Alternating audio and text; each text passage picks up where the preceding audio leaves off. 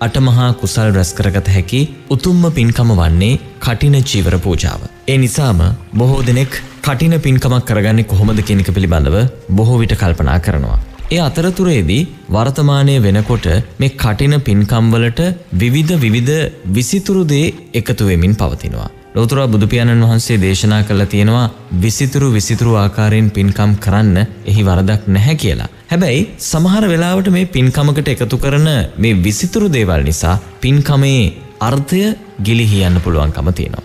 ඒ වගේම මේ විසිතුරු දේ දැකපු තවත් කෙනෙක් ඊට වඩා විසිතුරු දෙයක් ඊළඟ පින්කමේදී එකට එකතු කරන්න ගියහම ඒකෙන් තවදුරටත් මේ පින්කමට හානි වෙන්නත් පුළුවන්කම තියෙනවා.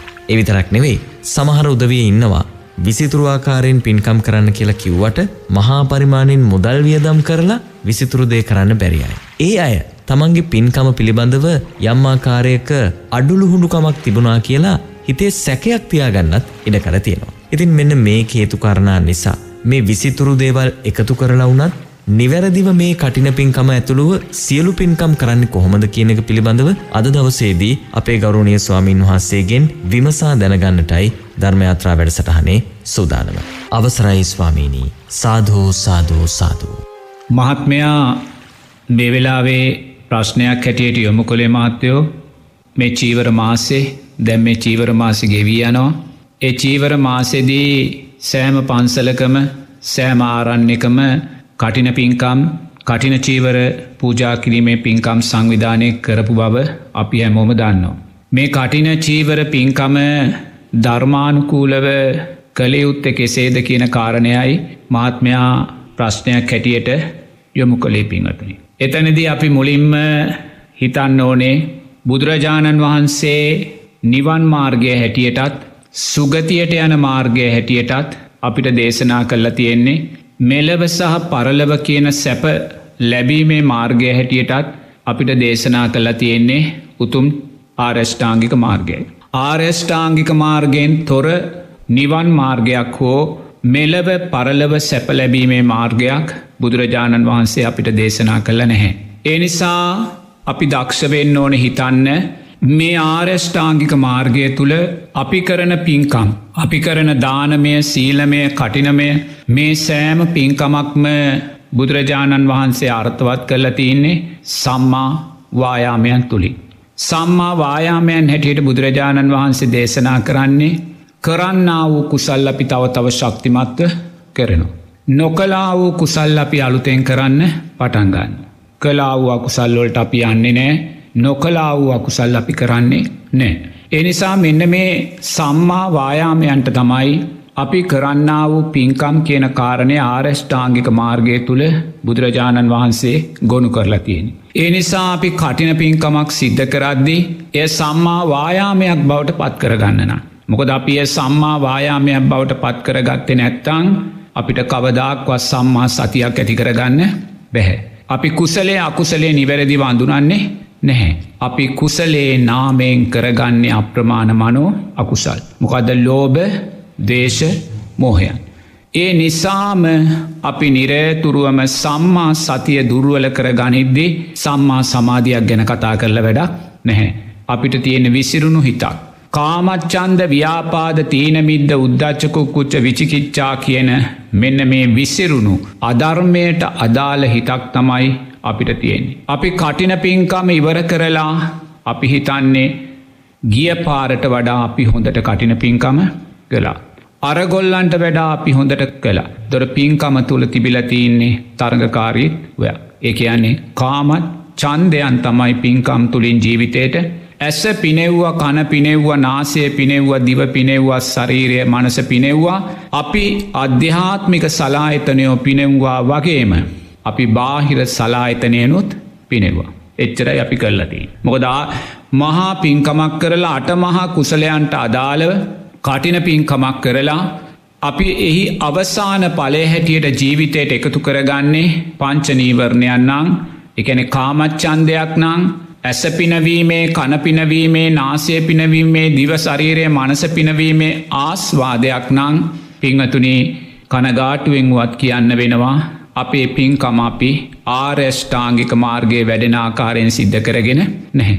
එනිසා පින්කමක් සිද්ධ කරද්දී ඒ පින්කම තුළින් ඔබ කරන සම්මා වායාමයන් ශක්තිමත් කරගෙන.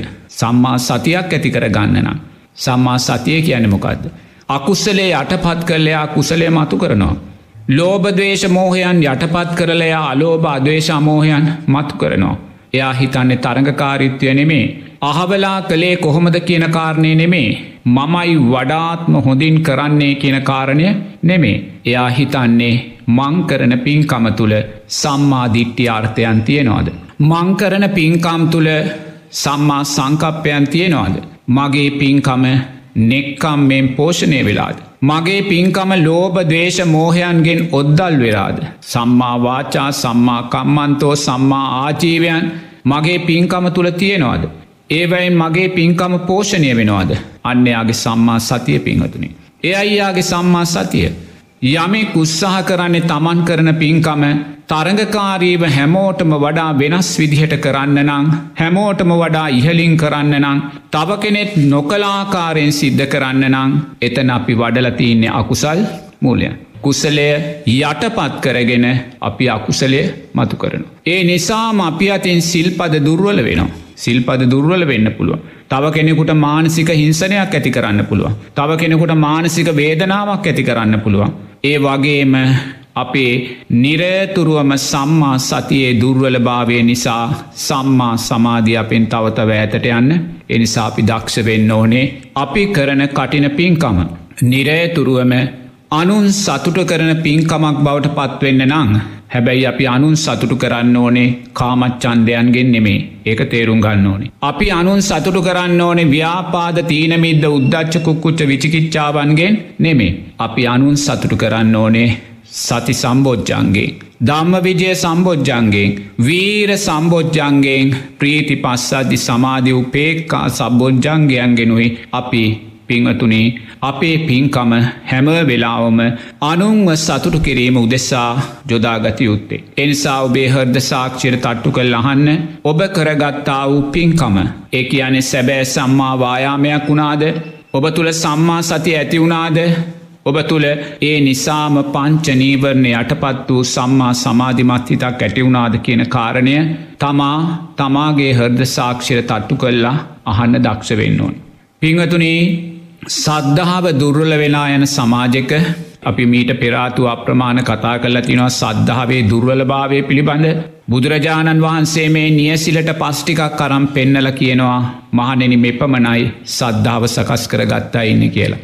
අනිත් මහපොලවේ පස් ප්‍රමාණයට අසද්ධාව තුළයි එනම් පිංහතුනේ සද්ධාව කියන කාරණය ලෝකයේ දුර්ලභ කාරණයක්. සද්ධාව කියන කාරණය අපි තුළ ඇතිවෙන්න නම් චතුරාර් සත ධර්මයන් තුළ අපේ ජීවිතේ විසරෝල දකිින් අපි දක්ෂවෙන්න ඕනේ. අපි තුෂ්නාව ඇතිකර ගත්තොත් එහි පලේ දුකේ කියන කාරණය දකිින් අපි දක්ෂවෙන්න ඕනේ.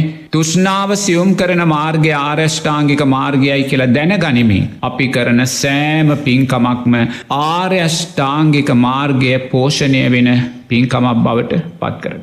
බුදුරජාණන් වහන්සේ දේශනා කරනවා විසිතුරු විසිතුරු ආකාරයෙන් පින්කම් සිද්ධ කරන්න කියලා. ලස්සන ලස්සන ආකාරයෙන් පින්කම් සිද්ධ කරන්න කියලා. ප්‍රනීත ප්‍රනීත ආකාරයෙන් පින්කම් සිද්ධ කරන්න කියලා. නමුත් පිංහතුනේ ඉං අදහස් වෙන්න එක නිවන් මාර්ගය කියලා. ඉන්න අදහස් වෙන්නේ ඔබ ප්‍රනීත ප්‍රනීතදේ පූජා කරයිද ඔබ ප්‍රනීත ප්‍රනීතදේ ලබන කෙනෙක් වෙනවා. ඔබ විසිතුරු විසිතුරුදේ පූජා කරයිද ඔබ විසිතුරු විසිතුරුදේ ලබන කෙනෙක් වෙනවා. ඔබ ලස්සන ලස්සන දේ පූජා කරයිද ඔබ ලස්සන ලස්සන දේ ලබන කෙනෙක් වෙනවා. පිංහතුන එතන ආනිසංස ධර්මයක් බුදුරජාණන් වහන්සේ දේශනා කරන්න. නමුත් බුදුරජාණන් වහන්සේ ඒ තුළින් නිවන් මාර්ගය දේශනා කරන්නේ නැහැ. එතන ප්‍රනීතදේ ආනිසංස බුදුරජන් වහන්සේ දේශනා කරනවා. විසිතුරුදේ ආනිසංස බුදුරජාණන් වහන්සේ දේශනා කරනවා. ඒක එ ප්‍රනීත දේට අදාලා ආනිසංස නමුත් ඉං අදහස් වෙන්නේ ඒ ධර්මය තුළ නිවන් මාර්ගය තියෙනවා කියලා. නිවන් මාර්ගය කියන ආරශ්ාංගික මාර්ගය. එතොට ඔබ දක්ෂ වෙන්න ඕනේ. ඔබ ප්‍රනීත වශයෙන් අලංකාර වශයෙන් ලස්සනාකාරයෙන් කරන පින්කම්. නිවන් මාර්ගයට යොමු කරගන්න. ඔබ නිවන් මාර්ගය අමතක කරලා ඔබ ප්‍රනීත ප්‍රනීතදේ අරගෙන යනවනං විසිතුරු විසිතුරුදේ පූජා කරනවනං ලස්සන ලස්සනදේ පූජා කරනවනං විසිතුරු විස්තුරු ආකාරයට පින්කං කරනවනං විපාකය ඔබට ලැබෙනවා. නමුත් ඔබ ප්‍රනීතදේ ලබද්දී ඒ ප්‍රනීතදේ ඔබ ගින්දරක් බවට පත් කර ගන්න. ඒ විසිතුරු ලස්සන දේවල් ලබද්දී ඔබ ඒ දේවල් ගින්දරක් බවට පත් කරගන්නවා මොකද ඔබ මාර්ගය තුළ නෙමේ ප්‍රනීත ප්‍රනීත දේවල් පූජා කළේ. එනිසා බුදුරජාණන් වහන්සේ විසිතුරු විසිතුරු දේ පූජා කරන්න ප්‍රනීත ප්‍රනීත දේ පූජා කරන්න කිව එක නිවන් මාර්ගයට අදාළ නිසා නෙමේ. ඒක ඔබේ ආනිසංස ධර්මයක් එච්චරයි. ක්‍රස්ටයානි මහත්තයකුටත් ප්‍රනීත ප්‍රනීත දේ පූජා කළොත් ප්‍රනීත ප්‍රනිතදේ ලැබේ. විසිතුරු විසිතුරු දේ පූජා කළොත් විසිතුරු විසිතුරුදේ ලැබේ. නමුත් ඒක නිවන් මාර්ගයක් වෙන්නේ නැහැ. නමුත් ඔබ ප්‍රනීත ප්‍රනීතදේ පූජා කරලා විසිතුරු විසිතුරුදේ පූජා කරලා ලස්සන ලස්සනදේ පූජා කරලා ඔබාරයෂ්ඨාංගික මාර්ගයෙන් බැහැරනංගේ දේ කළේ ඔබත් අන්‍යාගමික පින්වතෙක් කලාව් පින්කමක විපාකයනුයි ජීවිතයට එකතු කරග. ඒක තේරුම් ගන්න. එනිසා ඔබ කරන ප්‍රනීත පූජාව හැම වෙලාම මධ්‍යම ප්‍රතිපදාවට යටත් වෙන්න ඕනේ. ප්‍රනීත පූජාව මධ්‍යම ප්‍රතිපදාවට යටත් වනොත් පමණයි. ඒ ප්‍රනීත පූජාව සම්මා සතියක් සම්මා සමාධයක් ඔබට ලබලා හොඳට තේරුම්ගන්න. ඔබ කරන පූජාව පිංහතුනි නිරේතුරුවම ආර්යෂ්ඨාංගික මාර්ගගේ අර්ථයන්ට යටත් නොවනොත්. ඔබ කරන පූජාව විසිතුරු විසිතුරු දේඔබට ලැබේ. ලස්සන ලස්සන දේඔබට ලැබේ. ප්‍රනීත ප්‍රනීත දේඔබට ලැබේ නැමුත් ඔබට සම්මා සතියක් නල් ලැබෙන්නේ නැහැ. ඒ නිසාම සම්මා සමාධයක් පිළිබඳව බලාපොරොත්තු වෙන්න එපා. ප්‍රනීත ප්‍රනීතදේ දානයානිසංසපක්ෂයක් නමුත් නිවන් මාර්ගය කියන වෙනම. එනිසා ඔබ දක්ෂ වෙන්න. ඔබේ ප්‍රනීත ප්‍රනීත පූජාවන් විසිතුරු විසිතුරු පූජාවන් ලස්සන ලස්සන පූජාවන්. ආර්යෂ්ඨාංගික මාර්ගයේ ශක්තිය තුළට ගන්න. කර්මය කර්මඵල විශ්වාසයට ගන්න තෙරුවන් කරේ සද්ධාවට ගන්න. පටිච්ච සමුපන් උපතක් කරේ විශ්වාසයට ගන්න සම්මා සංකප්පයන්ගේ අර්ථයට ගන්න. ඔබ පින්කමක් කරදදි බලන්න එතන නෙක්කම් මේ තියෙනවාද කියලා. ඔබ නෙක්කම් මේ පින්කම තුළ නැත්තං පිංහතුනි ඔබට කවදාක්වත් සම්මා සතියක් නම් ජීවිතයට එකතු වෙන්නේ නැහැ. ඔබ කුසලේ නාමෙන් අකුසල් මූලයන්ම ජීවිතයට එකතු කරගත්ත ප්‍රනීත පූජාවන් කරපු කෙනෙ බවට පත්වෙනවා. එනිසා අපි දක්ෂ වෙන්න ඕනේ අපිත් දැක්ක පසුගිය කාලේ අප්‍රමාණ කටින පින්කම් අපිත් කැමති සාදු සාදු කියල හැමෝම කටින වස්්‍රයට අතගහනවනං අපිත් කැමති සාදු සාදු කියලා චීවර මාසේ තමන්ගේ කටින චීවරය ගෙන්ගෙට ගෙනහිල්ලා ඒ ගෙන්ගේ තැම්පත් කරලා ඒ පුදපූජා පවත්තල පින්කං කරගන්නවාට අපි කැමති. මම දැක්කා උගාක් තැන්වොලදී චීවර මාසේ දවස්තිහ ගෙවල් තිහක චීවරේ තැම්පත් කරනවා. පින කියන්න එක කාරණයක්. පින කියන කාරණය බුදුරජාණන් වහන්සේ පහළ වෙන්න පෙරාතුවත් සමාජය තුළ තිබ්බ. සීලය කියන කාරණය බුදුරජාණන් වහන්සේ පහළවීමට පෙරත් දම්ඹදිව සමාජය තුළ තිබ්බ. සමාධිය කියන කාරණය බුදුරජාණන් වහන්සේ පහළවීමට පෙරත් දම්ඹදිව සමාජය තුළ තිබ. බුදුරජාණන් වහන්සේ මේ සීලය මේ සමාධිය මේ පින්කම් ලෞකික ප්‍රඥාවෙන් පෝෂණය කළ. ලෞකික ප්‍රඥාව ලෝකයේ තුළ තිබ්බේ ලෞකික ප්‍රඥාව කල්්‍යයාන මිත්‍රාශ්‍රය තුළනුයි මතු කරන්නේ. තෙරුවන් කරේ සද්ධාවෙනුයි මතු කරන්නේ. දොර මේ ලෝකෙට කල්්‍යයාන මිත්‍රාශ්‍රය බිහිවෙන්නේ ලෝතුරා බුදුරජාණන් වහන්සේගේ සම්මා සම්බුද්ධ රාජ්‍ය අවබෝධවීමත් අන්න කල්්‍යයාන මිත්‍රයා ලෝකයේ පහළ වෙනවා. ඒ කල්්‍යයාන මිත්‍රයාගේ පහළවීමෙන් කල්්‍යයාන ධර්මයන් ලෝකෙට ලැබෙනවා. ඒ කල්්‍යයාන ධර්මයන් නුවනින් මෙනෙහි කරනවා. තෙරුවන් කෙරේ වූ සද්ධාව ජනතාව මතු කරගන්නවා. ඒ මතු කරගත්තට පස්සේ තමයි ලෝකවාසී ජනතාව තමන්ගේ සීලය තමන්ගේ සමාධිය තමන්ගේ පින්කම් ලෞකික ප්‍රඥාවෙන් පෝෂණය කරගෙන පිංහතුනී විදර්ශනා ප්‍රඥාවට ඥාන දර්ශනයන්ට විමුක්තියට මාර්ගය සකස්කට ගත්තේ. එනිසා හොඳින් තේරුම් ගන්න ඕනේ පින්කම් කියන්නේ පින කියන්නේ ශාසනය කොටසක් බව ඇත්ත නමුත් ශාසනය අර්ථය නෙමේ. ශාසනය අර්ථය උතුම් ප්‍රාතිමෝක්ෂ සීලය. ශාසනය කියන ප්‍රාතිමෝක්ෂ සීලයයි ප්‍රාතිමෝක්ෂ සීලය දුර්වල වෙච්ච තැනදී ශාසනයක් පිළිබඳ කතා කරන තැනක් අපිට ඉතුරු වෙන්නේ නැහැ. නමුත් පන්සල් තියෙනවා. ආරාම තියෙනවා බෝමලු තියෙනවා. එදාටත් මනුස්්‍යයෝ පින්කම් කරනවා. එදාටත් මනුස්්‍යයෝ කටින පෙරහැර යනවා. නමුත් පිංහතුනේ චතුරාර් සත්‍ය ලෝකේ නැහැ. ඒ නිසා අපි තේරුම් ගන්න ඕනේ අපි ආරක්ෂා කළ යුත්ත පින්කම නෙමේ තේන්න. අපි ආරක්ෂා කළ යුත්තේ උතුම් ප්‍රාතිමෝක්ෂ සීලය. ප්‍රාතිමෝක්ෂ සීලය ආරක්ෂා වුන තැන සීලයත් පින්කමුත් සමාධියත් ප්‍රඥාවත් ඥානදර්ශනත් විමුක්තියත් මේ සියල්ලම ආරක්ෂා වෙන. නමුත් අපි පින්කම ආරක්ෂා කරන්න ගිහිල්ලා. පින්කමට වැඩි වටිනාකම දෙන්න ගිහිල්ලා. අපි ශාසනය අර්ථය මෙන ප්‍රාතිමෝක්ෂ දෙවැනි තැනට දානවා නං පිංහතුනේ ඉං අදහස් වෙන්නේ පින්කමේ නාමෙන් පින්කම්වල ආස්වාදේ නාමෙන් අපි ශාසනය දුර්වල කරායි කියන කාරණය. මං වස් සමාදං වනේ මං තනියම කුටිය වස් අධිෂ්ඨානය කලා බුදුරජන් වහන්සේ අපිට ඊට අදාළ විනය ධර්මයන් දේශනා කළ තිනවා. අපි තනියම වස් අධිෂ්ඨානය ඇති කරගෙන වස් පවාරණ පොහේ දවසෙදී අපි තනියම වස් පවාරණය සිද්ධ කර. තොට කාගෙන්වත් වස් ආරාධනය භාරගත්තේ නැහැ. නමුත් මුළු මාසෙ පුරාවට හැම දාමත් උදේ පින්ඩ පාත මඩුවට ආපු සෑම කෙනෙකුටම සමහරදාට පණහක් සීයක් දෙසීයක් තුන්සියක් ආපු දවස් ඒ අයට උපරිම වශයෙන් දානයෙන් සීලෙෙන් සමාධියෙන් ප්‍රඥාවෙන් කරන්න තින සංග්‍රහයන අපි කලා. ඒ අය විදර්ශනා කුසලය තුළම සෑම දවසකම පැයක් එක හමාරක් මං උදේ වැය කරලා ඒ අයට කළයුතුවේ සත්කාරය භික්ෂුවක් ඇටියට සාමීචි පටිපන්න ගුණේ සිද්ධ කලා. එහෙම කරලා මාසතුන අවසානයේදී වස් පවාරණය පෝයදි මං අධිෂ්ඨානය කරලා වස් පවාරණය සිද්ධ කලා මම තනිවම නමුත් මහත්තයව අපි කටින චීවරයක් පිළිගත්තේ ඒ අපිට පිළිගන්න බැහැ. මොකද අපි වස් ආරාධනය පිළිගත්තේ නැහැ. එතොට අපි කටින චීවරයක් පිළිගන්න කොහෙත්ම අපිට පුළුවන්කමකුත් නෑ කටින චීවරයක් පිළිගන්නවා නම් අවම වශයෙන් උපසම්පදා භික්ෂූන් වහන්සේලා හත් නමක්වත් එතන ඉන්න ඕනේ. තේන ඒ විනය කරුණයක් කටින චීවරයට අදාලෝ ඊට පස්සේ තියෙන් සයිවැනි පහසුකං අපිට නැතිනිසා අපි තනිවම වස් අධිෂ්ඨානය කරලා තනියම වස් පවාරණය කරලා ඒ තුම් මාසය පුලාවට සියලු ජනතාවට කරන්න පුළුවන් සද්ධාවෙන් සීලයෙන් සමාධියෙන් ප්‍රඥාවෙන් කරන්න පුළුවන් උපරිම සාමීච පටිපණ ගුණෙන් අපි ඒගොළඟ සතුටු කළ. ඒ සතුරු කල් අපි කුටියෙන් බැහරට ආවා. එතනින් මගේ වස්පින්කම භික්ෂුව කැටට ඉවරයි. ඉති මේ විදිිය බස්පින්කම් කරපු අප්‍රමාණ ස්වාමීන් වහන්සේලා පේරටේ ඉන්න. උන්වහන්සේලා තනියම වස් අධිෂ්ඨානය කළ තනිය වස් පවාරණය කළ. උන්වහන්සේලා තුන්මාසේ තුළ ඒ වස්සීලයන් ශක්තිමත් කරගෙන ජීවත් වුණා. එතෝට ඒ වගේම බුදුරජාණන් වහන්සේ වස් ආරාධනාවන් පිළි අරගෙන වස් චීවරයක් පිළිගන්න ස්වාමීන් වහන්සේලාට පනෝප විනයක් තියෙන. එතවට ඒ විනේති බුදුරජාණන් වහන්සේ සඳහන් කරනවා වස් පවාරණයට පෙරාතුව වස් ආරාධනා කරපු පින්වතාට පුළුවන් ඇවිල් අහන්න ස්වාමීන් වහන්සේගෙන් සාමීන් වහන්ස අපි ඔබවහන්සේට වස්ටීවරයක් පූජා කරන්න බලාපොරොත් වෙනවා වස්ත්‍රයක්.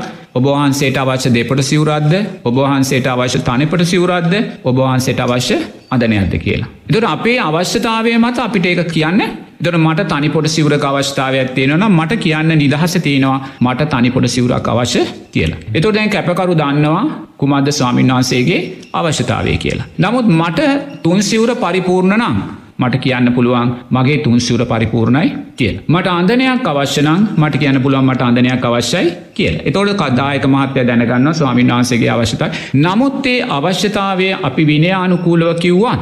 මගේ අඳන පාට මෙච්චරක් වෙන්න ඕන අහවල් රෙද්ද වෙන්න ඕනේ අහවල් මිල වෙන්න ඕනේ අහවල් තැනෙන් ගන්න ඕනේ. ඒ කිසිම දෙයක් අපිට කියන්න බැහැ. ඒ අපිට විනයක්. බුදුරජාණන් වහන්සේ දේශනා කරන්නේ අපිට ලැබෙන වස්ත්‍රය. අහසින් කඩා වැටුණු දෙයක් හැටියට අපේ ළඟට. දැමහත්‍යය මම් මෙතනින් ඉද්දී අහසෙන් කඩාගෙන මෙතෙන්ට යමක් වැටුනොත් මං ඒක පාට දන්නවාද? මං ඒක දිගපලල දන්නවාද? මංගේ රෙද්දමොකක්ද කියල දන්නවාද? මේක කවද වියුන්නේ කවද වියදං කලේ කියල දන්නවාද? නෑ ඒ මං මුකුත් දන්නේ අන්නේ වගේ මතු අහස්සෙන් කඩාගෙන වැටුණු දෙයක්සේ මේ කටින වස්ත්‍රය මෙතෙන්ට එකන අපිට කිසිම ඒ පිළිබඳ ඇලීමක් ගැටීමක් තියෙන විදිහක් නැහැ අපිට බලාපොරොත්තුවක් තිබේ නැහැ බලාපොරොත්තු නොවූ දෙයක් අපි අතට ආව. එවැනි අර්ථයක් තමයි බුදුරජාණන් වහන්සේ ප්‍රාතිමෝක්ෂ සීලෙන් අපේ වස්ටීවරයට අපිට ලබාදීලා තියෙන් තියන්න. නමුත් මහත්තයෝ දැං දැං සමාජය තුළ සද්ධාව දුර්ලනකොට සමාජය තුළ ඉන්ද්‍රිය ධර්මයන් දුර්වලනකොට මම මේ කාටවත් ඇගිල්ල දික් කරනවා නෙමේ මං ඇගිල්ල දික් කරන්න අවිද්‍යාවට. මොකද අවිද්‍යාව? තාම අපි චතුරාර් සත්‍ය දන්නේ නැහැ. චතුරාර් සත්‍ය ජීවිතයට එකතු කරගන්නේ යම් තැනක තුෂ්නාව ජීවිතයට එකතු කරගත් අද එතන තියෙන්නේ දුකයි කියලා අපි තාම දකින්නේ. ඒ නිසාම තුෂ්නාව පසු පසාබි හබාගෙන යන. එතෝට එහෙම ගිහිල්ලා දැම් මම දැක්කා පහුගේ මාසේ බේ ගෙවී යන මාසේ වස් චීවර මාසේ මං දන්න දායක පිරිස් මං හිටියෝ දකුණු පැත්තේ පලාතක කුටියක ඒ මහත්තයකෙන ස්වාමිනාස අද අපේ ගෙදර වස්ටීවරය කියලා. එතොටේ වස්ටීවරය ගෙදෙට්ට වඩම් අද්දි මොද දවස් තිහේ ගෙවල් තියක වස්ටීවරය කටින චීවරය තියෙන. එතෝට ඒ කටින චීවරේ තිය අධි මහත්තයෝ ඒ ගෙදරාය ඒ ගෙතර මගුල්ගයක් වගේ සරසනවා. ආසන හදලා ලයිට් දාලා පුටු තියලා එන අයට සංග්‍රහ කරලා එතෝට එන අය දැන් හැමෝම පඩුරුදානවා එන අය චීවර පූජා කරනවා එන අය අටපිරි කර පූජා කරනවා. ඉති ඒගොල්ලො ලොකෝ කැපවීමක් මහා සද්ධාවකින් සිද්ධ කරනවා. ඒ අයට පින තියෙනවා. හරි ඒ අයට ඒ පින කටිනවස්ත්‍රයට කොද ඒ අයට විනයක් නෑන මහත්තයෝ විනය තියන සාමීන් වහන්සේලාට ඒ අයට විනයක් තොට බලන්න ඒ විදිහට ගමේ ගෙවල් තිහක දවස් තිහේදී ඒ වස්තරය වෙනුවෙන් ජනතාව කොයිසා සද්ධාවෙන් කැප වෙනවාට. එතකොට එහෙම සද්ධාවෙන් කැප වෙලා. ඒ අය වස්ටීවරය පූජා කරන මොහොතේ එක විනයානුකූලෝ පරිපූර්ණ නැත්තං. සාමීන් වහන්සේගේ පැත්තෙන් විනයානුකූරුව පරිපූර්ණ නැත්තම්. දැ එවැනි චීවරය පූජා කරද්දි සාමීන් වහන්සේ චීවරය ගැන නොදන්නවාද? ආසිං වැටුන වගේ දුනේ නැහැනි. උන්හන්සේ ගෙවල්ලොට ගිල අනුශාසනා කරනවා හවසට පින්කං කරනවා පින් දෙනවා තේන එතකොට ඒක අහසිංකටන වගේද වැටෙන්නේ නැහැනේ. නැතැ මේ පුතේ මේවා මේ කෙනෙක්ගේ වැරදි නෙමේ කෙනෙක්ගේ වැරදි නෙමේ. හොඳේ මමත් මේ ධර්මය දන්නතුව පැවිදුනානම් මමත් ඔයදේ කරනවා. එතර ඒක වැරැද්දක් නෙමේ. නමුත් එතන අපි මුල් කරන්න පින. ගෞරණය සාමීන් වහන්සේලාගේ ඉලක්කය වෙන ජනතාව පින තුළ ශක්තිමත් කරන්න. නමුත් ජනතාව පින තුළ ශක්තිමත් කරද්දේ අපි ප්‍රාතිමෝක්ෂය ගැන හිතන්නේ නැහැ. ප්‍රාතිමෝක්ෂයයි ශාසනය කියන කාරණය ගැන අපි හිතන්නේ නැහැ. දර බුදුරජාණන් වහන්සේ කියද්‍ය අහසෙන් වැටුන දෙයක්කට මේක කරෙන් ඕනෙ කියන කාරණයේදී අපි කටිනවත්ස්ටේට සීමාව ඉක්මවා බැඳී මැති කරගෙනයි සම්බන්ධතා ඇති කරගෙනයි තිය. ඒ නිසා පන්සල්ට විශාල ආධාර මුදලකුත් එනවා. හරිද ඒක පන්සලේ නඩත්තුවට ලයිට් බිලට දුරකතන බිලට ඒක පන්සලේ නඩත්තුට යාවි. තේනට ඒ අපි පැත්තකින්තිම. හරි නමුත් මහත්තයෝ අර මාසයක් පුරාවට ස්වාමීන් වහන්සේලා අර ගෙන්ගෙට කාරණය සිද්ධ කරද්දී අවසානි කටිනවස්ත්‍රය හැටියට පන්සල්ට ජීවරේ පූජා කරන වෙලා මහත්තයෝ ප්‍රාතිමෝක්ෂට අදාලෝ අපිට යම් යම් ගැටලු තියෙන්න්න ඕනේ එක එන ශාසනාර්ථයන් එතන දුර්වල නමුත් ගිහි ජනතාව පින්කම් වෙලා ඒක පැත්තක්. එහි භයානක තව පැත්තක් තියෙනවා මහත්තයෝ. ඒ භයානකම පැත්ත තමයි ගිහි පින්වතුල්ලාගේ පුතුමාකාර සද්ධාවක් මේ කටින චීවර කෙරෙහි තියන මහත්තයෝ එක පර පරම්පරාවෙන් ඇවිල්ලා අම්මල තාත්තලගෙන් ඇවිල්ලා ද එක කටින පින්කමක් මං හිටපු ගමේ පටන්ගන්න මහත්තයෝ වාහනෝල තියාගන්න රාත්‍රී දහයට. ඒ දහයට පටන්ගන්න කටින පින්කම මුළු ගමේ මුළු නගරේ වටා ගිහිල පන්සලට එන්න උදේ පාන්දර හතරා මාට. එතොට බලන්නකොද මේවා ගිහි පින්වතුල්ලා සිද්ධ කරන්නේ ලොකු සද්ධාවකින්නේ ඇයි මේ ගමවටේ මෙහෙම යන්නේ. මාත්‍යයෝ ගමේ සෑම ගෙදරකින්ම කියක් හෝ ඒ චීවරයට සම්මාධන් හැටියට යොදනවා. රෑ දොලාට රෑ එකට රෑ දෙකට අර හේවිසි හඬනකොට ජනතාව ගෙවල් අරගෙන එලියටේනවා. අර වයවුරුද අම්මල ඒවගේම විශ්‍රාමික වැටුක් ගන්න වයසකය අනිවාර්යෙන්ම මේවට මුදල් දාන. තර බලන්න ගෙවල්ලොල මේ වස්ටීවරේ තියාගෙන ගෙවල්ලොල තියල පුද පූජාතියල දස් ගණන් සල්ලි වියදං කරලා ඊට පස්ස මේ වස්ටීවරේ ගමවටා නගරවටේ ගෙනනිද්දි ජනතාව අප්‍රමාණ සම්මාධන් කරලා මහත්තයෝ ජනතාවගේ සද්ධහවේ ශක්තිය එතන තියෙන් පිනේ ශක්තියයි. එවැනි පිනේ ශක්තියකින් ජනතාව අර වගේ තමන්ගේ ජීවිතයට වඩා මහත්තයෝ ගරු කරපු ඒ චීවරයට පන්සලට ගනිද්දී. අපේ සීලේ අපි වස්සීලයට අධාර දුරුවල නං පුතේ චීවරය ඇත්තටම සංඝයාට ගින්දර බවට ඒ වගේමයි යම් සාමීන් වහන්සේ නමක් ඒ කටින චීවරය මට අවශ්‍ය වෙන්නේ නෑ කියලා මම කාටරි විකුණුවොත්. එම දෙවල් සිද්ධ වෙනවා නේ? වෙළඳං කියීම කියන කාන සිද්ධ වෙනවා මම මේ පුද්ගල සංඥාවකට නෙමේ කියන්නේ අවිද්‍යාවටයි කතා කරන්නේ. ඒ නං ගින්දරක්. මත මොන සද්ධාවකින්ද මේ මනුස්්‍යය මේ මාසය පුරාට මේම කළේනේ එතුර මතු මේ දෙපැත්තෙම බරපතල වූ අනතුරකට යන්නේ කුමක්ද ශාසනය මේ ශාසනය බරපතල අනතුරකට යන්නේ. ඒ නිසාපි ගිහි පින්වතුල්ලාට පෙරාතුව ගෞරෝණය සංගරත්නයක් හැටියට අපි හිතන්න ඕනේ තුෂ්නාව වැඩිවෙන්න වැඩිවෙන්න අපේ දුකයි වැඩිවෙන. එනිසා පින්කම නෙමේ වටින්නේ ප්‍රාතිමෝක්ෂ සීලය. අපි ඔය සියල්ලම නතර කරලා. අහසින් කඩා වැටුණු දෙයක් හැටියට කටින පූජා වෙලාවේ ඒ චීවරය අපි ළඟට ගෙනාවනං මහත්තයෝ ඒ තුළින් රැකෙන ප්‍රාතිමෝක්ෂයේ ශක්තිය. ඒ තුළින් රැකුණ භික්‍ෂුවගේ ප්‍රාතිමෝක්ෂ ශක්තිය මාත්‍යය මුළු ශාසනයක් මාරක්ෂා කරනවා. ඒ ආරක්ෂා වෙන ශාසනය තුළ ගිහි පින්වතුල්ලාට මාත්‍යයෝ නිදහසේ ශාසන අර්ථයන් ඉස්තරහට අරගෙන යන්න නමුත් අපි ගිහි අයගේ පින උදෙසා ශාසන අර්ථයන් දුර්වල කරනවා නං අවසානයේදී ශාසනයක් පිනත් දෙකම අහිමි වෙනවා. එනිසා අපි දක්ෂ වෙන්න ඕනේ නිරේතුරුවම මහත්තයෝ මෙවැනි පින්කම් කරද්දි ආර්යෂ්ඨාංගික මාර්ගයේ ශක්තිය තුළ කරන්න දැම් පැවිදි අපිටත් ආරක්ෂාගේ මාර්ගෙන නිවන් මාර්ගය දර අපේ ප්‍රාතිමෝක්ෂ සීලේ බවට පත්වෙන සම්මා වාචා සම්මා කම්මන්තෝ සම්මා ආජීවෝ. ඒ මාර්ගංග තුනයි අපේ ප්‍රාතිමෝක්ෂ සීලේප්සි විඩිය සිල්පද දෙසිය විස්ස ඔය මාර්ගංග තුනට අයිති. එතොට මාර්ගංග තුන මාත්ව හැම වෙලාම සම්මා දිට්ටි සම්මා සංකප්පයෙන් පෝෂණය වෙන්න ඕනේ. සම්මා දිට්ටියෙන් පෝෂණය වෙන්න ඔබ තෙඩුවන් කරේ සත්හාාවෙන්. බුදුරජාණන් වහන්සේ කුමක් ද අපිට පනවල තියන්නේ. ධර්මරත්නයෙන් කුමක් ද අපිට පනවල තියන්නේ. අතීත සංඝයාගේ ගුණයන් මොනවද. ඒවා පිළිබඳ දැක්ම. ඒවාගේ ආභාෂය ඒවාගේ ආර්ථය අපේ පින්කම් තුළ තියෙන්න කර්මය කර්මඵල විශ්වාසය අපි තුළ තියෙන් ඕනේ. අපි ප්‍රාතිමෝක්ෂ සීලය දුර්වල කරගෙන අපි චීවරයක් ගත්තොත් ඒ ගන්නා උච්චීවරය අපිට ගින්දරක් බවට පත්වෙන පුළුව. එනිසා අපි නිරේ තුරුවම දක්ෂ වෙන්න ඕනේ එක පැත්තකින් ගිහි පින්වතාට පින් කිරීමට අවස්ථාව දෙන්න ඕන එක හරි නමුත් ඒ පින් කිරීම තුළ ගිහි පින්වතාත් ආරෙස්්ඨාංගික මාර්ගෙන් බැහරට යන්න පුළුව. ලෝබදේශ මෝහයන් වඩල නෙක්කම්මේ දුර්වල කරගෙන සම්මා සතියෙන් සම්මා සමාධියෙන් තොරව පින්කම නිමාවට පත් කරන්න අවසානය සංඝයාත් ප්‍රාතිමෝක්ෂ සීලයේ පුංචි හෝ දුර්වලතාවයක් ලබමින් කටින චීවරය පිළිගන්න පුළුවන්. මොකෝ මහත්තයෝ අපි තුළ තුෂ්නාවන වැඩෙන්න්නේ තුෂ්නාව නිසාන අපි ඔය දේවල් කරන්නේනේ පන්සල්ට ආධාර වැඩි කරගන්න නේද? දවස් තියක් ඇතුළත ගෙවල් තියක චීවරේතිීදීන් ලැබෙන්න්නාව ආදායම් පිළිබඳ අපිට පේනවනනේ හොඳේ මුදල් අවශ්‍යයි පන්සල්ට එක ඇත්ත නේද? නමුත් මාත්‍යයෝ ඒ මුදල් ලැබීමු දෙසා අපේ සීලේ පුංචියෝ දුර්වලතාවයක් ඇතිවෙනවනම් ඒ ලබන මුදලෙන් තේරුමකුත් නෑ අපි ජනතාවටත් ආරෙස්්ඨාංගික මාර්ගෙන් බැහැර කිරීමේ කර්තබැයි අපි කරන්නේ. එනිසා හැම වෙලාම අපි දක්ෂ වෙන්න ඕනේ අපි කරන පින්කම් සම්මාවායාමයන්ටයි අයිති. ඒ සම්මාවායාමයන් තුළින් අපිට ලැබෙන්න ඕනේ සම්මා සතියක් සම්මා සමාධයක්. එමනං ඔබ බලන්න ඔබේ හර්ද සාක්ෂිර තට්ටු කල්ලා මහා සංගරත්නය හැටියට අපිත්. ගිහි පින්වතුල්ලා හැටියට ඔබත් මේ පසුගිය මාසේ මේ ගෙවී යන චීවර මාසය ඒ චීවර මාසෙදී කටින පින්කම් සිද්ධ කරලා කටින වස්ත්‍ර පූජා කරලා සැබවින්ම ඔබ සම්මා සතියක් ඇති කර ගත්තද. ඔබ සම්මා සමාධයක් ජීවිතයට එකතු කර ගත්තද. මේ ධර්මතාවයන් ඔබ නුවනින් මෙනෙහි කරල බලන්න සංඝයා හැටියට අපිත් ගිහි පින්වතුල්ලා හැටියට ඔබත් අපි සම්මා සතියක් නෙමේ නං අපි ජීවිතයට එකතු කරගත්තේ. අපි එකතු කරගත්තේ තුෂ්නාවේ ආස්වාදේන. කී අද අපිට ලැබුණේ.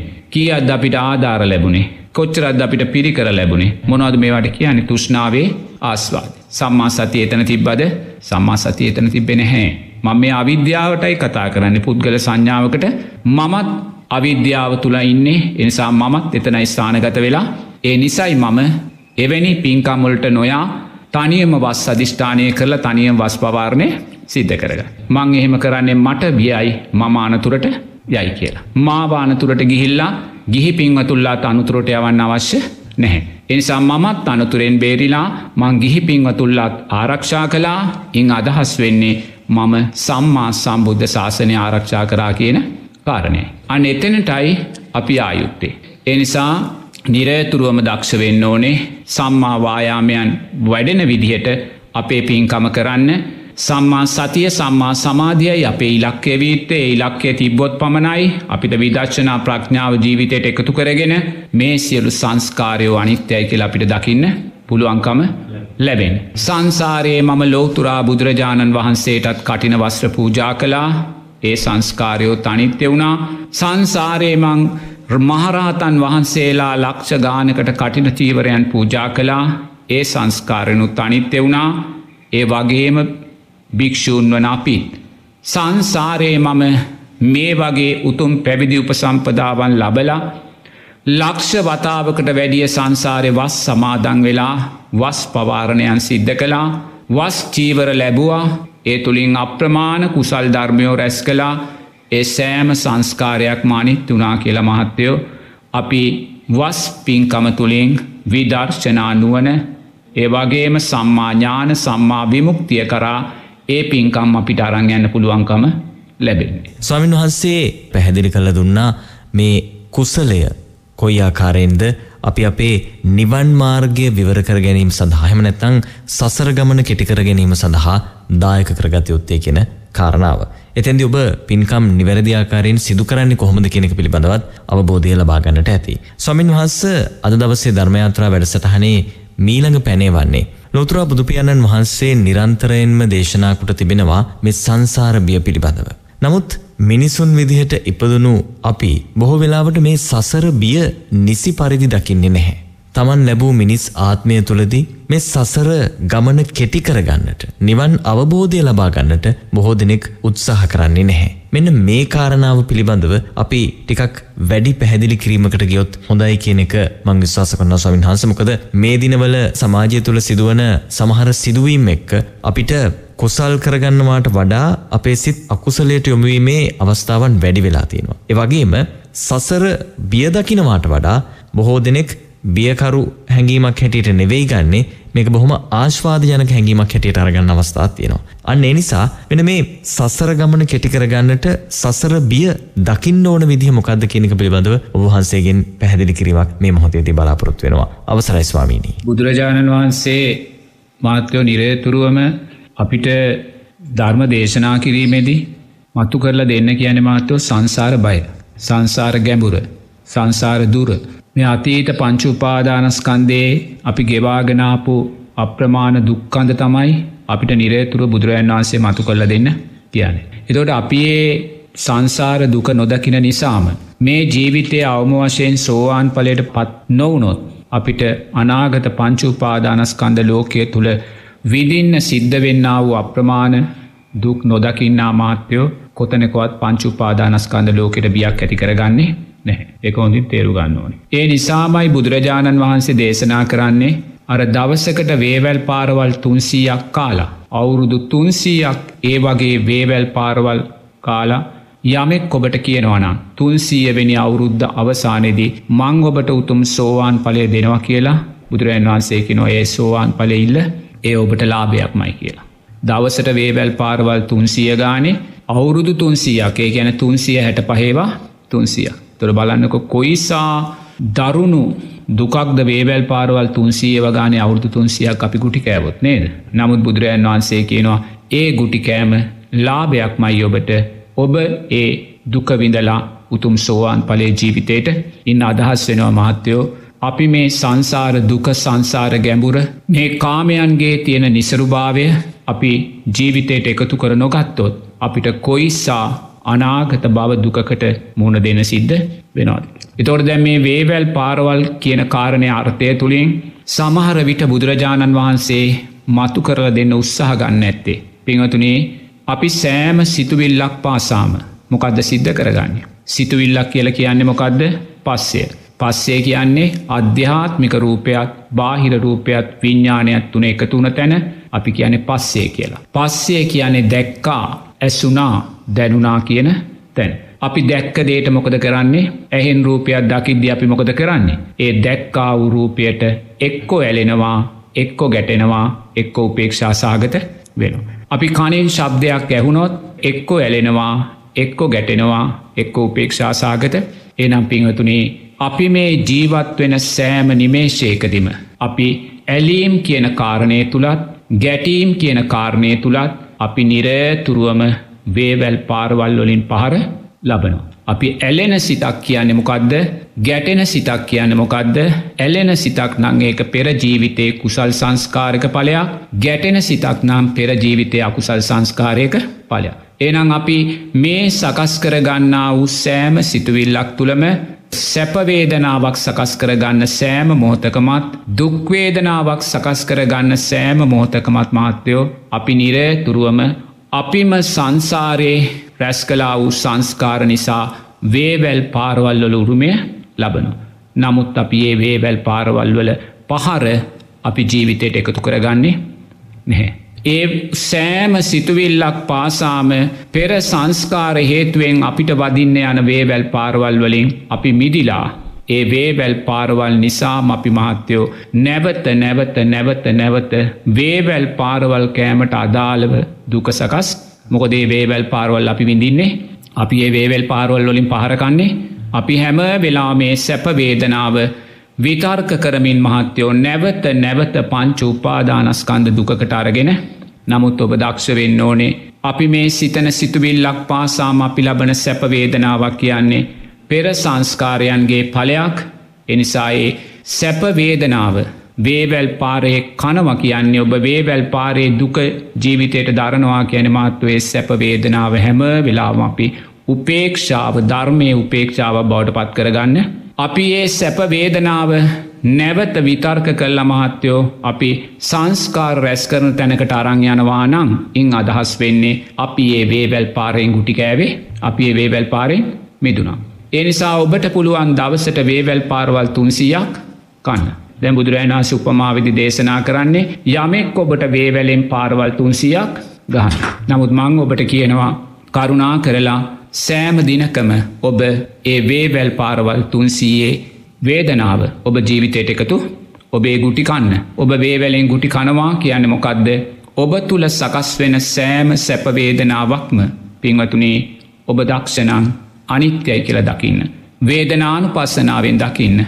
ඔබ වේවැල් පාරක් කෑවා මොකද ඔබේක විතර්ක කරගෙන ඔබ ආස්වාදයට අරංගියේ නැහැ. ඔබ වේවැල් පාරෝල් කය ඔබ ඒ දුක වින්ද ඔබේ ආස්වාදයක් බවට පත් කරගත්තේ නැහැ අතීත සංස්කාර විපාකට එනකොට ඔබේ විපාකය නිසා නැවත සංස්කාරත් කරගන්න දිසාවට ගිය එනිසා ඔපට ලබන්න තියෙන ආස්වාදය ඔබ අහිමි කර ගත්තා. ඔබේ ආස්වාදය ලැබුවනං පිංහතුනේ අනිවාර්යෙන් මේ ආස්වාදය නැවත ඔබට පංචු උපාදානස්කන්ද දුකට අරගෙන එසා බුදුරජාණන් වහන්සේ ඔබට දවසට වේවැල් පාරවල් තුන්සියක් කන්න කියල කියන්නේ ඔබ ඔය ලබන සැපවේදනාව නිරේතුරුවම ඇලීම් ගැටීම් කරාරගෙන යන්නේ නැතුව නිරේතුරුව මානිත්‍යයි කියල දකින්න ඔබ ලබන සැපවේදනාව වේදනානු පස්සනාවෙන් දකින මොහොතේ ඔබ ලබන දුක්වේදනාව වේදනානු පස්සනාවෙන් අනිත්‍යය කියල දකින මෝත පිංවතුනේ ඔබ ඒවා නිසා ආස්වාදයන් නැතිකරගන්නේ ඒ නිසාම ඔබ දවසට සිතුවිලි තුන්සීයක් උදෙසා ඔබ ඇලීම් ගැටීම්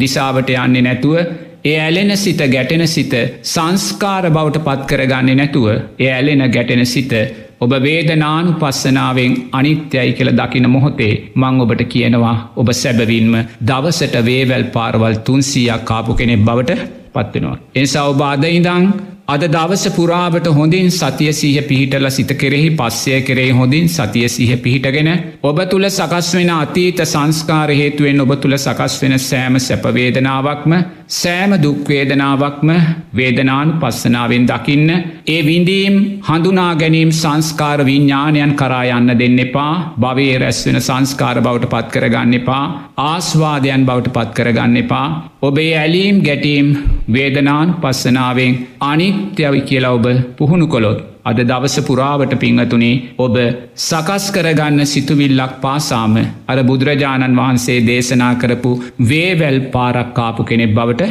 පත්වෙනවා. ඒ නිසා බුදුරජන් වහන්සේ කියෙනවා වේවැල් පාරවල් තුන්සියක් කාලා අවුරුදු තුන්සියක් ගියත් උතුම් සෝවාන් පලය දුන්නොත් ගන්න කියලා. එනිසා එතනින් අපි හැම වෙලාම සිහිපත් කරගන්න ඕනේ ඒ ඇලෙන ගැටෙන හිත සංස්කාර බවට පත් කරගන්න ඇතුව ඒ ඇලෙන ගැටෙන හිතානිත්‍යයි කියල දකිනවය මොහොතේ ඔබට ආස්වාදය අහිමි වෙනවා රූපය ආස්වාදය අහිමි වෙනවා වේදනාවේ ආස්වාදය අහිමි වෙනවා සංඥාවේ සංස්කාර විඤ්ඥාණයන්ගේ ආස්වාදය අහිමි වෙනවා. ඒ ආස්වාදය අහිමුණා කියන්නේ ඔබ වේවැල් පාරක් කාලා ඔබ ස්ෝවාන් පලට පත් වනා එකන කාරණය නිසා මේ සංසාර බය දකින්න දැකල නිරය තුරුවම පිංහතුනී බුදුරජාණන් වහන්සේ දේශනා කරන ආකාරයට පස්සේ අනිත්‍යභාවය දකිමින් නිරේතුරුවම ඔබ මේ පංච උපාදානස්කන්ද ලෝකය නිරෝධය දිසාවට ගමන් කරන්නේ කියන කාරණය තමයි සීපත් කරන්න ඕනේ. සාධෝ සාධෝ සාධෝ අවසරයි ස්වාමීණී සසර බිය දැකිය යුතු ආකාරය ඉන් මිදීම සඳහා ඔබ කළ යුත්තේ කුමක්ද කියන කාරණාව දැන් ඔබට පැහැදිලි ඇති. ස්වාමීන් වහන්සේ අද දවසේ වැඩසටහන නිමා කරන්නට මත්තෙන් අපි තවත් ගැටලුවක් ඔබ වහන්සේට යොමු කරන්නට හිතුණා. මේක සංඝ සමාජයේටම පහුගිය කාලය තුල එල්වෙච්ච බරපතල චෝදනාවක්. ලෞතර බුදු පියාණන් වහන්සේ සංඝ සමාජයට මේ මුදල් පරිහරණය කිරීම පිළිබඳව වෙනමම දේශනා කරලා තියෙනවා. එය යම් ආකාරයකට විනය නීති රීතිවල පවා සඳහන් වෙන කාරණාවක්. නමුත් බොහෝ අවස්ථාවල බොහෝ ස්වාමින් වහන්සේලා වර්තමාන වර්තමානයේදී මේ මුදල් පරිහරණය කිරීමේ කටයුත්ත සිදු කරනවා. මේ හරහා සමහර අවස්ථාවල සිද්ධ වෙච්ච සමහර සිද්ධීන් එක්ක මුළු සංඝ සමාජයේටම චෝදනා එල්ලවන්නටත් පටන් රගෙන තියෙනවා. පහුගිය කාලයේදී අපිට නිතර අහන්නට ලැබුණු කාරණාවක් තමයි ස්වාමින් වහන්සේලා මේ විවිධ ස්ථානවල මුදල් ආයෝජනය කරලා අවසානයේදී ඒකෙන් රැවටීමට ලක්වෙච්ච අවස්ථාවන් පිළිබඳව පවා අපිට අහන්නට ලැබුණා. ස්වාමින් වහන්සේ මේ මුදල් පරිහරණය සංඝ සමාජයට හොඳද නරකද කියන කාරණාව සම්බන්ධයෙන් ඔබ වහන්සේගෙන් අපි මේ මොහොතේදී පැහැදිලි කිරීමක් බලාපොරොත්තු වෙනවා ධර්මයාත්‍රා වැඩසටහනෙන් අවසරයි ස්වාමීනි.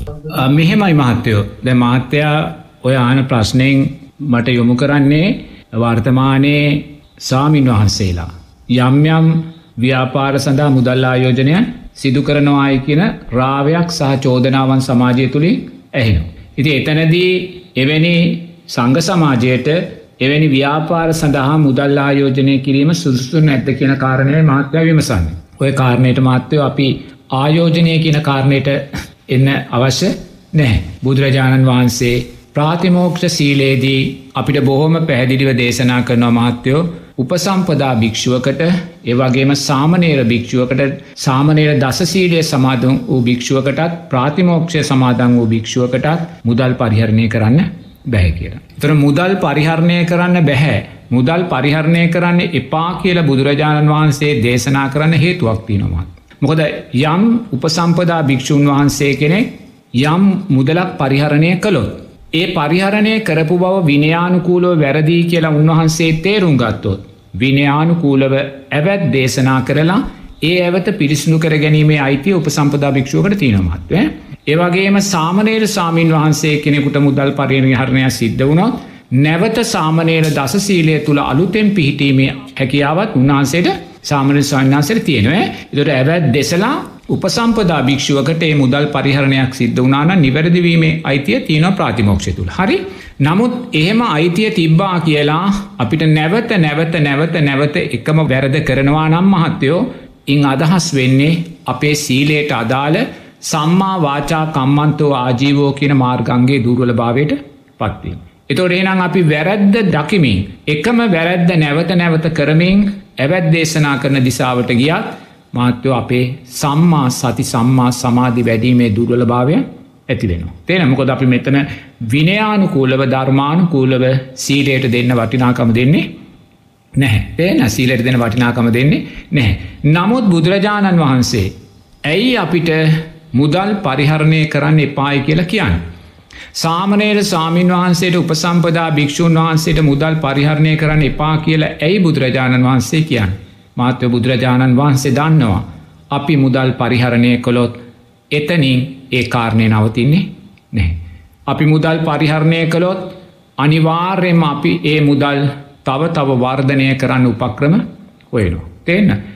අපිළඟ එකතු වෙන මුදල් වලින් පොලිය හොයන්න වැඩිපුර පොලියක් ගන්න වැඩිපුර මේ මෙලාභයක් ගන්න අපි ක්‍රමවේදයන් හොයනවා. තේන එහෙම ගිහිල්ල ගිහිල්ල අවසානයේදී අපි ඒවා ව්‍යාපාරු දෙස ආයෝජනය කරනවා. බැංකුවල වැඩි පොලියට තැන්පත් කරනවා. ඒ වගේම නීතියානුකූල නොවන වංචාකාරී තැන්වල වැඩි ප්‍රතිලාබ ලැබීමු දෙසා පියව තැන්පත් දැම් බලන්නකොේ නම් මොකක් දවසානය වුණේ එතොට බුදුරජන් වන්සේ ඇයි අපිට මුදල් පරිහරණය කරන්න එපාකිවේ මුදල් පරිහරණය කිරීමෙන්. මාතයෝ බස් එකට සල්ලිදීල අපි නවතින්නේ නැහැ. දැඟ මට උබේ නිදහසට කාරණාවක් කියන්න පුළුව මන් මුදල් පරිහරණය කරනවන මට නිදහසට කාරණාවක්.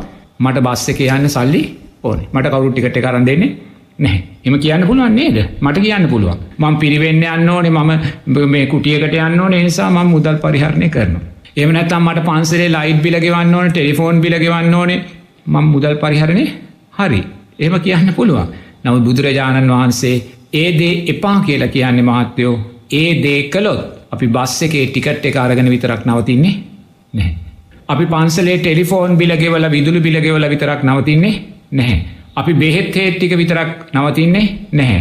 අපි ඒ ධනය අපේ අතට එද්දි මාත්‍යයෝ ඒ ධනය කෙරේ ඇතිවෙන්න උත්තුෂ්නාව නිසාම අපි තව තවත් තව තවත් ධනය උපේන මාර්ගයන් කරා ඉදිරියට යන.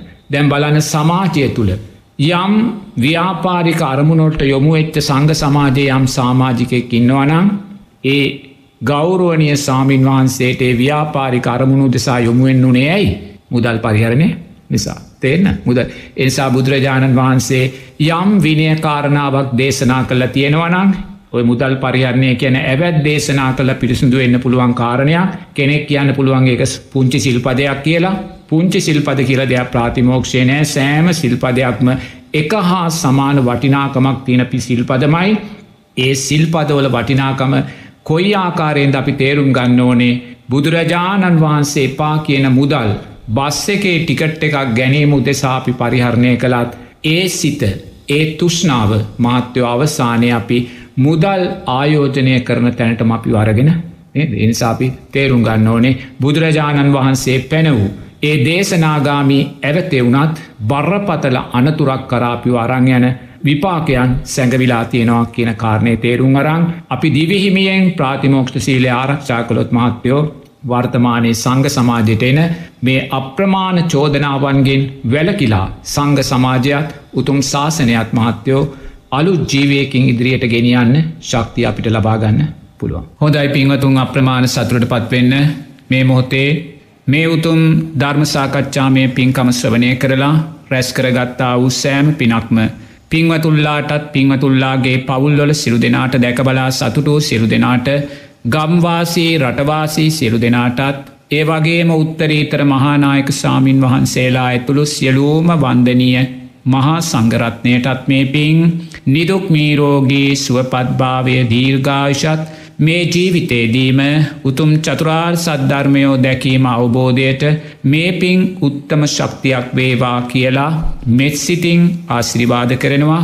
ඒ වගේ අපට උපකාරක ධර්මයන් සකස් කොට දුන් ඒ පින්වත් සාරධ මහත්මයාට ඒ පින්වත් පුබුදු මහත්මයාට.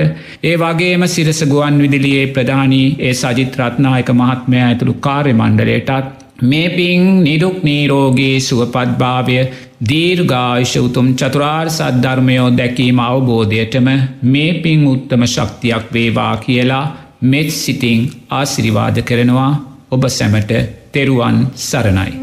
සාධූ සාධූ සාධූ. එවගේ උන්වහන්සේගේ සියලු ශාසනික කටයුතු දියුණුවෙන් දියුණුවට පත්වේවා උන්වහන්සේට නිරතුරුවම නිදුක් නීරෝගී සම්පත්තියම ලැබේවා තවත් ධර්මකාරණා පැහැදිලි කරදිනට අවශ්‍ය කරන ශක්තිය ධෛර්ය වාසනාව නිරෝගී සම්පත්තියත් ලැබේවා කියලා අපි හැම දෙනාම එක්ව ප්‍රාර්ථනා කරමු සාධූ සාධූ සාධූ.